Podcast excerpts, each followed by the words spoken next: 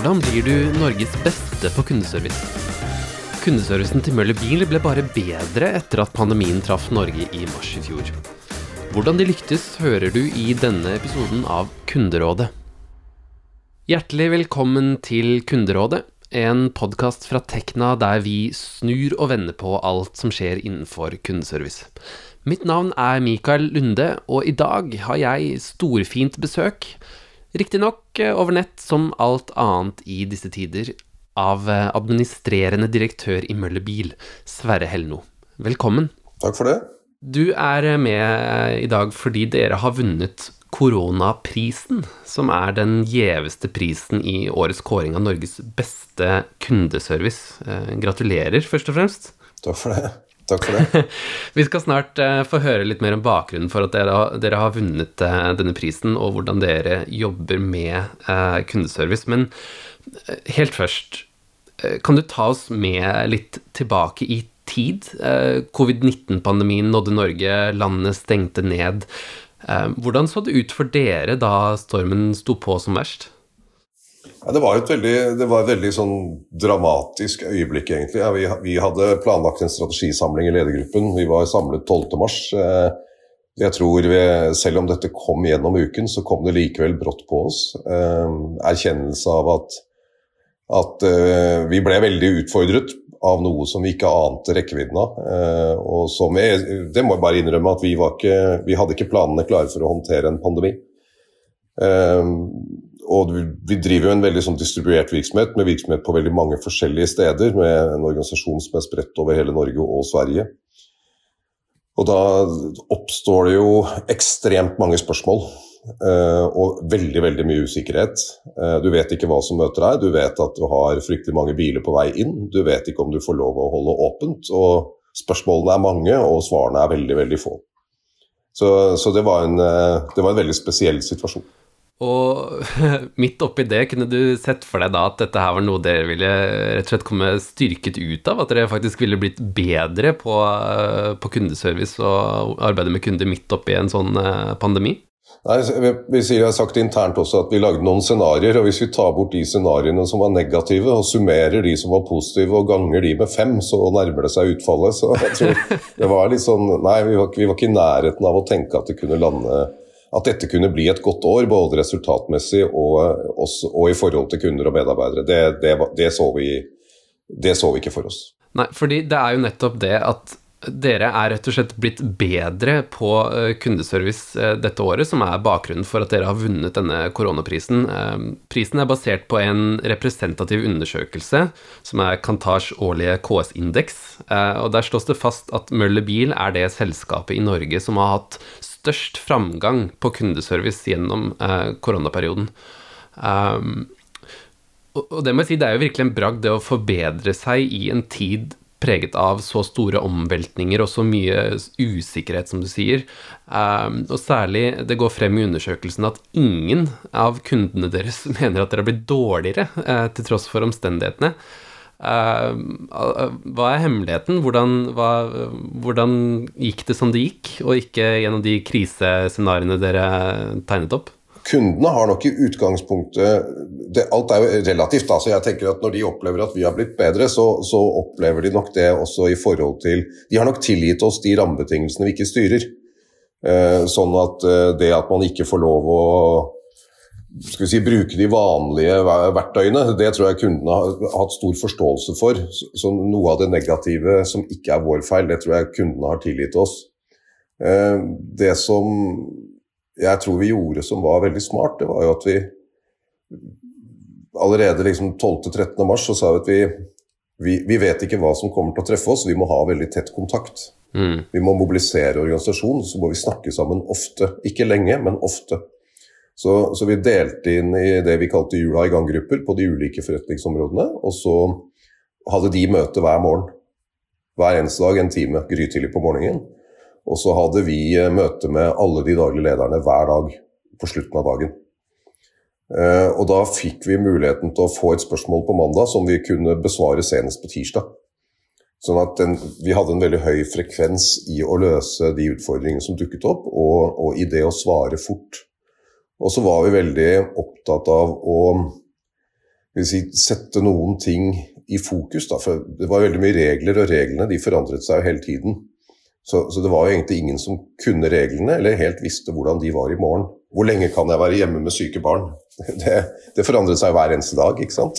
Mm. Og, og, og, det å prøve å skape en trygghet blant menneskene, tror jeg er med på å skape en trygghet for hvordan man har det, og er med på å backe deg i forhold til den kundeservicen og den, skal vi si, hva du er i stand til å gi da, i, i, i møte med andre mennesker og kunder. Uh, så, så husker vi laget en regel som sa at det, eh, det finnes lover, og så finnes det regler, og så finnes det beslutninger, og så finnes det et hjerte. og Hvis reglene ikke stemmer med hjertet, så følger hjertet. Fordi det var så vanskelig å vite. Ja. Uh, jeg har en, noen liksom, typiske spørsmål. Jeg har en kone som er gravid, vi er kjemperedd for korona. Eh, kan jeg være hjemme, og hva får jeg da i lønn? Det fantes det ikke en regel for. Og Da må du følge hjertet, og, og, da blir folk tryggere. og Da tror jeg også at jeg er med på si, å sette noe i bånd her som, som, gjør at man, man, har noe å gi. da. Man, hvis man er veldig veldig bekymret for seg selv og sin egen tilværelse, så er det vanskelig å ha noe å gi til andre. Så, så det tror jeg kanskje liksom, er noe av det som jeg husker igjen. og sånn, At vi hadde veldig tett kontakt, og at vi var veldig opptatt av å skape en trygghet i en utrygg situasjon. Ikke sant.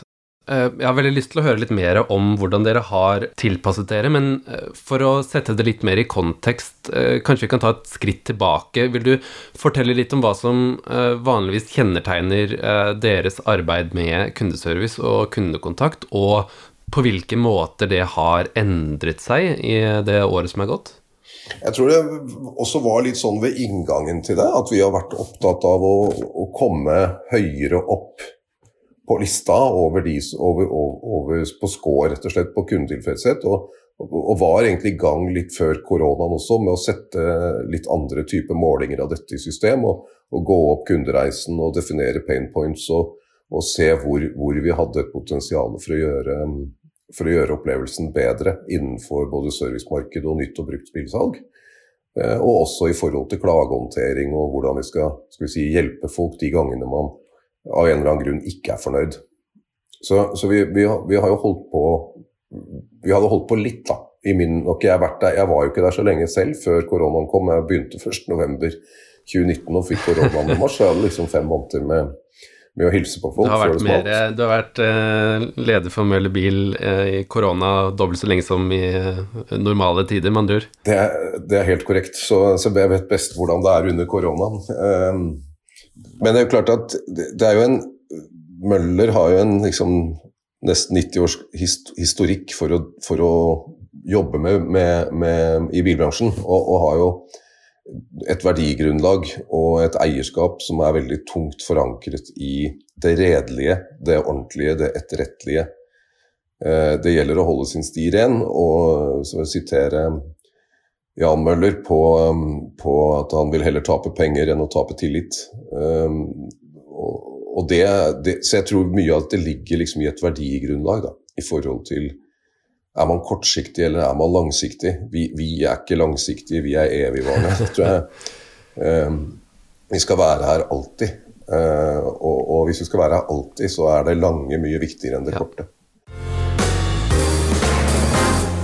Men én um, uh, ting er at dere i en ledergruppe har møttes daglig og vært fleksible og tilpasset dere fra dag til dag osv. Men hvordan har dere jobbet med å forankre det på tvers av hele organisasjonen, helt ned til liksom de enkeltmedarbeiderne som har den daglige kundekontakten, og liksom sørget for at, at det dere sitter og tenker og, og finner ut, uh, gjenspeiles i det faktiske møtet med kunden? Her tror jeg jo læringene fra, fra digitale møter har vært helt kritisk eh, positivt og, og, viktig. fordi at Når jeg snakker om jula i gang-gruppene, så, så, er det typisk salgssjefer og selgere på temasalg som sitter i den gruppen. Eh, og så har de de har jo blitt utfordret på å lage liksom, Du må lage rutiner for innlevering og utlevering av nøkler, innlevering og utlevering av bil, hvordan skal en prøvekjøring foregå, ikke sant? alle disse tingene, hvordan skal bilen rengjøres etter en prøvekjøring sånn at nestemann ikke blir smittet, hvordan, alle disse tingene her sånn, så, så, har vi jo gått ut til de og spurt de hvordan tror dere det er smart å gjøre dette. Mm. Og så har de kommet tilbake og sagt at vi tror det er smart å gjøre det sånn. Og så har vi hatt smittevernseksperter som har sparret litt med de, og så har de sagt det er sånn vi vil gjøre det. Og så har vi sagt stort sett at ja, da gjør vi det sånn. Uh, og så har det vært mye lettere å arrangere sånne Du kan ta et nasjonalt 15-minuttersmøte fra fire til kvart over fire, hvor du sier at er, vi har blitt enige om å gjøre dette på en annen måte, hva tror dere om det? Og så, og så, og så er det egentlig forankret ut. Så, så, veldig mange av mange si, standardiserte rutiner Vi har jo ikke hatt en standardisert rutine for hvordan man overleverer en nøkkel fra en kunde og inn i hånden til en kundemottaker. Det har man liksom fått lov å bestemme selv. Eh, mens nå så har man med, med, utgangspunkt i et smittevernbehov, da, så er det liksom ned på det detaljnivået vært nødvendig å bestemme det. For hvis den skal puttes i en pose og overleveres, så må den posen finnes. og den må kjøpes inn, og den må ligge der på riktig sted. Og, ja. Jeg, jeg, tror ikke det har vært opplevd som en ekstrem detaljstyring. Jeg tror det har vært opplevd veldig mye som at de hjelper meg å løse det. Jeg, du kan tenke selv hvis du sier nå har jeg hatt en kunde i den bilen, hvordan skal jeg rengjøre den? Du hadde blitt litt glad hvis noen sa du skal, du skal gjøre sånn. Ikke sant. For det er innmari vanskelig å vite det sjøl, og så er man usikker. Så jeg, jeg, tror mye av dette har fungert som eh, trygghetsskapende hjelpemidler, mer enn som en følelse av å få tredd eh, arbeidsprosesser nedover. Ikke sant. Fordi idet du standardiserer en del sånne rutiner og prosesser, så, så uh, slipper man å stå med et ansvar og måtte ta masse valg eh, som potensielt kunne slått feil ut, ikke sant. Jo. Det gir veldig mening. Er det det som eh, Altså, du sier at du ikke nødvendigvis ville kalle det detaljstyring, men er, er det litt det som kjennetegner hvordan dere har lykkes? Ja, jeg, jeg, tror at, jeg tror at kunder har det sånn at hvis de har gått inn på et sted hvor de har følt at smittevernet har vært godt, så har det vært, vært en positiv kundeopplevelse. Eh, hvis jeg kom, jeg har, kommet inn på butikker hvor det første jeg møter er liksom en dispenser jeg kan vaske hendene. Hvis den dispenseren er tom, det er ikke noe det er ingen som rydder Så tenker du ok, kanskje jeg skal gå et annet sted og handle. Du, du blir litt skeptisk, da. Som, ja. Og det tror jeg har vært helt spesielt i denne situasjonen. At liksom, det å ha et strengt smittevern tror jeg har blitt opplevd som god kundeservice fordi man har følt seg trygg. Ja, her kunne jeg tenkt meg å gå inn, her kunne jeg tenkt meg at den bilen som han sier at jeg kan få prøve, den, den er rengjort, og jeg stoler på det. Man har tenkt på ting som man aldri før har tenkt på. Og, da tror jeg at si, litt sånn detaljerte regler og standarder og sånn har vært med på å løfte kundetilfredsheten. Eh, men jeg tror man skal passe på at eh, den, den balansen vi snakket om i sted, at hva er prosess og hva er hjerte? Eh, så ja, du kan ha en prosess for hvordan du overleverer en nøkkel, og du kan ha en prosess for hvordan du rengjør en bil etter at noen har prøvd den før nestemann skal prøve den. Det, det, tror jeg er kjempelurt å ha en liksom stram prosess på. Men så kommer det andre aspekter, som hvordan løser jeg det folk som er usikre, hvordan løser jeg folk Folk trenger noe annet, folk trenger noe mer. Kanskje ja, kan du vaske den en gang til, liksom. Så du vet kanskje ja, det er helt unødvendig, men jeg gjør det fordi at du ber om det. Og, og da har du den hjertefaktoren som jeg tror de to må, må spille ja. sammen. Hvordan jobber dere med mm, kultur i, i Møller for å på en måte øh, For at alle ned på um, skal jeg si helt fra ledelsen og ned til de liksom, enkelte selgerne skal, skal ha den, den, refleksen der i ryggmargen? Det handler jo veldig mye om at vi er tydelige på hva, hva er det vi vil være for noe, og hvilken markedsposisjon er det vi vil ha, og hva er det vi vil bli huska for. Eh, og så handler det jo om hvordan vi trener folk, og det handler om hvordan vi rekrutterer og onboarder folk. Og det handler jo også om hvem, hva vi premierer og hva man skal vi si, gåseøyne straffer. Da. Så det et system det et system premierer, det skjer det mer av. Det et system straffer, tenker jeg ikke tradisjonell straff, men liksom snakker ned, f.eks., det blir det mindre av. Eh, og, og hvis de eksemplene man feirer er, er god kundebehandling, så så blir det mer av det. Og hvis de eksemplene man feirer er eh, her, her, klarte vi å vri oss unna et ansvar, så, så får du mer av det. Og, og, det viktigste vi gjør, er jo å stå på scenen over tid og ulike scener og kommunisere det vi mener. Og så må vi vise at vi mener det gjennom å, å, å premiere og rose det som, det som er i tråd med det. da. Det er jo um, altså Det å være god på, på, kundeservice, det er jo veldig mange ulike aspekter ved det. Du har jo kultur, uh, du må ha en del systemer på plass. Um, teknologi, for så vidt, strategi. Um, har dere noe altså, eh, Hvordan er det dere vektlegger de ulike måte, aspektene sånn sett? Og er, for, forstår jeg det rett i at arbeidet med kultur kanskje er liksom noe av det som er aller viktigst for dere? Men det er jo også andre ting her med, med teknologi, strategi osv. Absolutt. Og jeg tror bare at det området vi har kommet lengst på, er jo det området jeg vil definere som, som jeg kaller innenfor kulturting og innenfor uh, people-siden. Og så tror jeg at vi har, uh, vi har jo fortsatt mye å hente på å skape Ja, på å ta integrere teknologi mye mer i kundereisen. Dette skjer jo i alle bransjer, ikke sant? Og, og spesielt i disse bransjene som har startet med å være helt fysiske med oppmøte for kunden og skape disse omnikanalløsningene og en, en kundereise som, ja, som er mer si, fri, Ikke bare én, men flere kundereiser hvor du kan velge litt selv. Her trenger jeg å snakke med noen, her trenger jeg å bare få et svar fra nettet. Her snakker jeg med en robot, her snakker jeg med et menneske, her prøver jeg produktet. Å skape og få disse tingene til å flyte. Så tenker jeg at vi har, har fortsatt og kommer alltid til å ha et utviklingspotensial på det. Eh, og opplever at det området vi har kommet lengst på, er, er på, menneske, på menneskeområdet. Mm. Ja, I den tiden vi har vært gjennom, så er det jo veldig mange som har måttet lære seg ganske mange nye digitale verktøy og slikt, mens for dere så har dere jo kanskje beholdt en del av de de fysiske møteplassene, faktisk, ettersom det uh, har vært um, Altså, det å levere nøkler og hente en bil, det er vanskelig å gjøre på Teams. Ja, er, Du får ikke skifta bremseskiver på Teams, det får du ikke. Du må, bilen må på verkstedet, og den må, den må, overtas av noen og den må leveres tilbake. og Den, den må jobbes på. Så det, det er en, fys, en, god del av det vi driver med som er nødt til å være fysisk. Hvordan ser du for deg at det blir for dere i, i tiden fremover med si, analoge fysiske løsninger, og de digitale i større og større grad kommer til å liksom flyte litt over i hverandre? Hvordan vil det være å kjøpe en bil eller eh, få reparert en bil om fem eller ti år, vil det være fundamentalt annerledes enn det er i dag? Ja, det tror jeg. jeg tror, altså for det første så, så, er det allerede i gang ting som er fundamentalt annerledes enn det det var før. Med, helt, med mer trinnløse andre eierskapsformer. Du kan kjøpe en bil, du kan lease en bil, men du kan jo også abonnere på en bil, eh, kortere horisonter, du kan leie en bil, du kan mikse disse tingene. Du, du går inn i bildelingskonsepter. Eh, så, så, så det, og du kan i dag også kjøpe biler på nettet. Det er flere merker som, som er tilgjengelige på nettet, og noen er bare tilgjengelige på nettet. Så jeg tror jo at eh, en kundereise vil bli mer og mer omnikanal. Men, men, men for en god del av dette så, så tror jeg jo det er avhengig av hva du er ute etter, hvor standardisert produkt du er ute etter. Mm.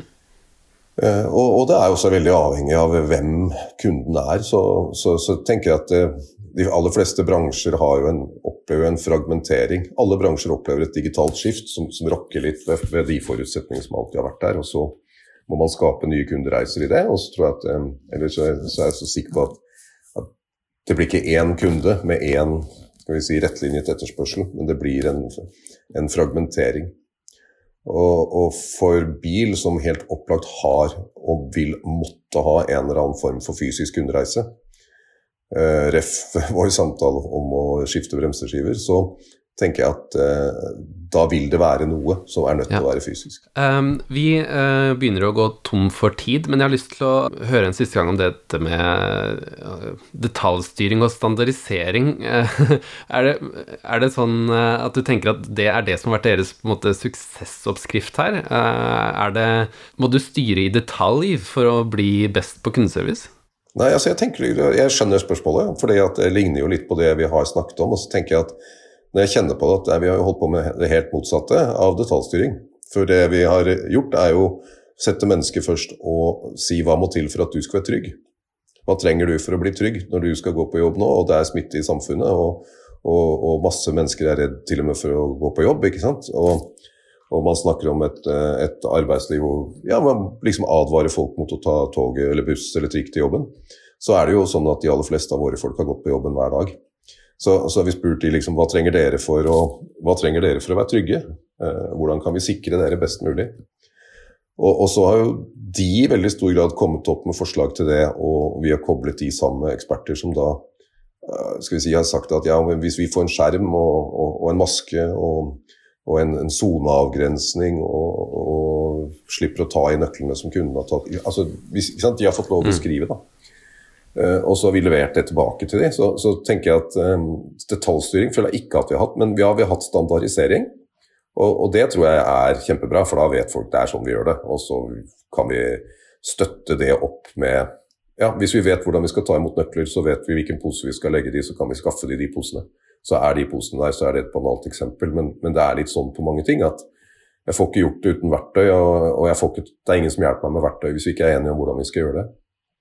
Så, så jeg tenker nei. Jeg tror suksessoppskriften tror jeg er å ha gode å, å, å ha veldig sånn god dialog og skape en trygghet for uh, hvordan jeg skal håndtere situasjoner, og hvordan jeg skal behandle kundene mine, og, og vite at noen har ryggen min når jeg tar, når jeg tar valg. Det tror jeg, jeg tror den tryggheten her er superviktig, og standardiseringen er viktig for å ha, for å ha uh, verktøykassa på plass i de situasjonene. Så, så, jeg tror det ligger mer der. Hva er det dere har lært um, av um, koronaperioden som, uh, som du tror at kommer til å bli, ledet til varig endring for dere? Hva er det dere kommer til å ta med dere videre, og, og, og hva er det du er mest fornøyd med at dere har uh, fått til?